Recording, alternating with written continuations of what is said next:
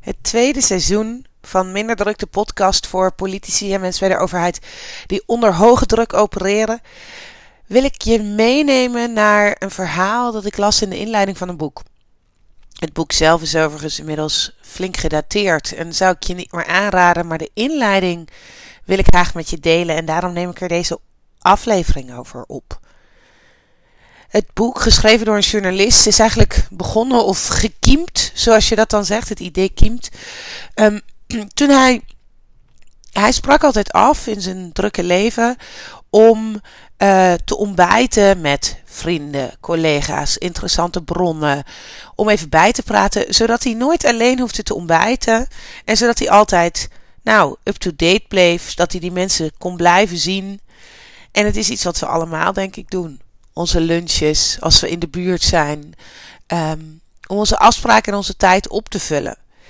En heel vaak gebeurde het, schrijft hij, dat die vrienden of bekenden te laat waren, want ze zaten vast in het verkeer, ze zaten vast en uh, de metro reed niet, of nou in ieder geval alles wat er gebeurt, dit speelt zich af in New York, wat er gebeurt in de spits en waardoor iemand te laat komt voor een ontbijtafspraak. En steeds vaker merkte hij dat als zijn vrienden verkennen zich verontschuldigden bij binnenkomst, sorry, sorry, te laat, dat hij zelf zei: Nee joh, maakt niet uit. Dit gaf me eigenlijk een moment om even rond te kijken. En hij beschrijft dat hij rondkijkt en dat hij mensen ging kijken en dat hij er heel erg verbaasd over was. Dat hij een beetje um, zo stiekem meeluisterde met een kerstvers nieuw stelletje naast zich. En dat dat eigenlijk heel romantisch en lief aandoenlijk was. En tegelijkertijd schrijft hij dat hij ervaarde dat hij ineens een aantal verbanden legde tussen ideeën die hij had, gesprekken die hij had gevoerd. En uiteindelijk heeft hij het boek ook naar, dat, naar zijn respons genoemd, namelijk Thank you for being late. Want hij raakte heel dankbaar dat die mensen, doordat ze te laat waren, er ineens bij hem de ruimte ontstond om na te denken. Om heel even de tijd te nemen, te pauzeren, te reflecteren. En dat niet eens heel bewust te doen, maar meer door te mijmeren. Door gebruik te maken van dat kleine stukje tijd dat hij eigenlijk als cadeau kreeg. En dat verhaal van hem raakte mij heel erg. En hij linkt dat vervolgens aan hoe moeilijk het is op dit moment voor ons allemaal om te pauzeren. Omdat techniek ons de middelen heeft gegeven. Hè? Ik bedoel, we hebben allemaal uh, alles wat we willen, kunnen we eigenlijk zo'n beetje nu krijgen. En als we het niet nu kunnen krijgen, kunnen we zien hoe lang het duurt. Ik bedoel, je Uber, uh, je bestelling van thuisbezorgd. Je, al die technieken zijn allemaal ingezet om of het wachten te verkorten, of je te laten zien precies hoeveel tijd je nog moet wachten. En de belofte of de illusie die ons dat geeft is uh, dat we dus nooit meer geduldig hoeven te wachten. Dat we nooit meer onze tijd hoeven te verspillen. Dat we nooit, eigenlijk gewoon nooit meer tijd over hoeven te hebben. Nou, tegelijkertijd lees ik ook een kinderboek. Momo en de tijdspaarders. En dat is een boek, daar zal ik wel op een andere keer misschien wel vaker over delen. Ik zal er ook een stuk uh, online van zetten. Is, het gaat over een samenleving waarin mensen bij Momo, Momo is een kindje. En uh, dat kindje woont alleen. En mensen komen bij haar en zij luistert naar ze. En zo lossen al hun problemen langzaam op. Gewoon door het geduld dat ze hebben om daar met haar te zitten praten. En langzamerhand komen er steeds meer mannen in grijze pakken. Nou, die staan als symbool voor de tijdspaarders. Die de mensen hun tijd afnemen. Waardoor ze geen tijd meer hebben om bij haar te komen. Omdat ze ieder moment efficiënt invullen. En alle tijd die ze overhouden op een soort spaarbank zetten. Zodat ze daar later van kunnen genieten. Nou, ik ga lekker niet de clue onthullen wat er dan zou gebeuren later. Wat die mannen met de tijd doen. En hoe Momo zich in moet zetten om de wereld te redden. Maar wat ik je er wel uit mee wil geven is dat het. Dat boek is in de jaren zeventig geschreven, dat kinderboek. Dat het nu helemaal niet zo gek is. Want al die sociale media, al die productiviteitstools, maar ook onze eigen werkwijze. Dus het ligt niet eens alleen aan de techniek, maar vooral ook hoe we hem beslissen in te zetten, zijn gericht op je tijd efficiënt benutten. En ik zie dat tot uiting komen in een van de uh, onderzoeken die gaat over hoe mensen tot rust komen. Nou, televisie kijken is voor heel veel mensen een manier om tot rust te komen.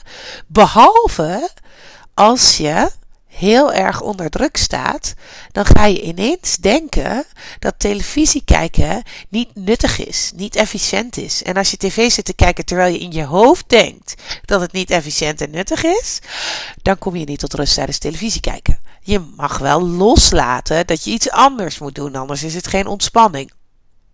En dat is waarom ik dit met je deel. Het mooie van cadeautjestijd, noem ik het maar even. Het mooie van de momenten dat iemand te laat is, dat je trein vertraagd is, dat er een afspraak wordt afgezegd, is niet dat je in die tijd iets nuttigs kan doen, maar dat je juist kan mijmeren. En misschien ben jij wel zo iemand die heel vaak zegt: ja, ik zou heel graag wat meer mijmertijd willen hebben, maar ik heb geen tijd. Ik heb het te druk, mijn agenda zit te vol. Dan is dit je signaal, want dit is geen tijd die je inplant. Dit is tijd die je overkomt, die je in je schoot geworpen krijgt. En die hoef je niet te benutten om je mails nog even te checken, of om die deadline te halen, of om iets anders heel erg nuttigs te doen, nog een telefoontje te plegen. Dat hoeft niet. Want deze tijd had je voor iets anders ingezet. Dus die is al afgeschreven. Sunk costs zouden ze dat in de financiële wereld zeggen. Je hebt die tijd al afgeschreven, dus gebruik hem dan als cadeau. Gebruik hem om te mijmeren. En wat je hiermee, je doet hiermee twee dingen. het eerste is dat je heel erg leert ontspannen. Want je brein kan sowieso, kijk, je brein kan sowieso niet uit. Hè? Dat idee van, oh, kan ik maar eens uitstaan, dat is helemaal niet. Dat kan helemaal niet. Maar door te mijmeren, zet je je brein op een speelse manier open en niet geconcentreerd aan, niet doelgericht. En dat is wat jij bedoelt met je brein uit willen zetten. Dat je even niet gefocust en doelgericht hoeft te zijn. Nou, dat doe je door te mogen mijmeren, door uit het raam te kijken, door je gedachten, zoals ik zeg, als een puppy achter een bal aan te laten rennen. Lekker, of zo'n geitje dat als het lente is, die weer zo naar buiten hopt alle kanten op. Zo mag je je gedachten laten gaan. Want dat is ontspannend en dat is je brein even uit mogen zetten, even uit mogen staan. Is precies dat.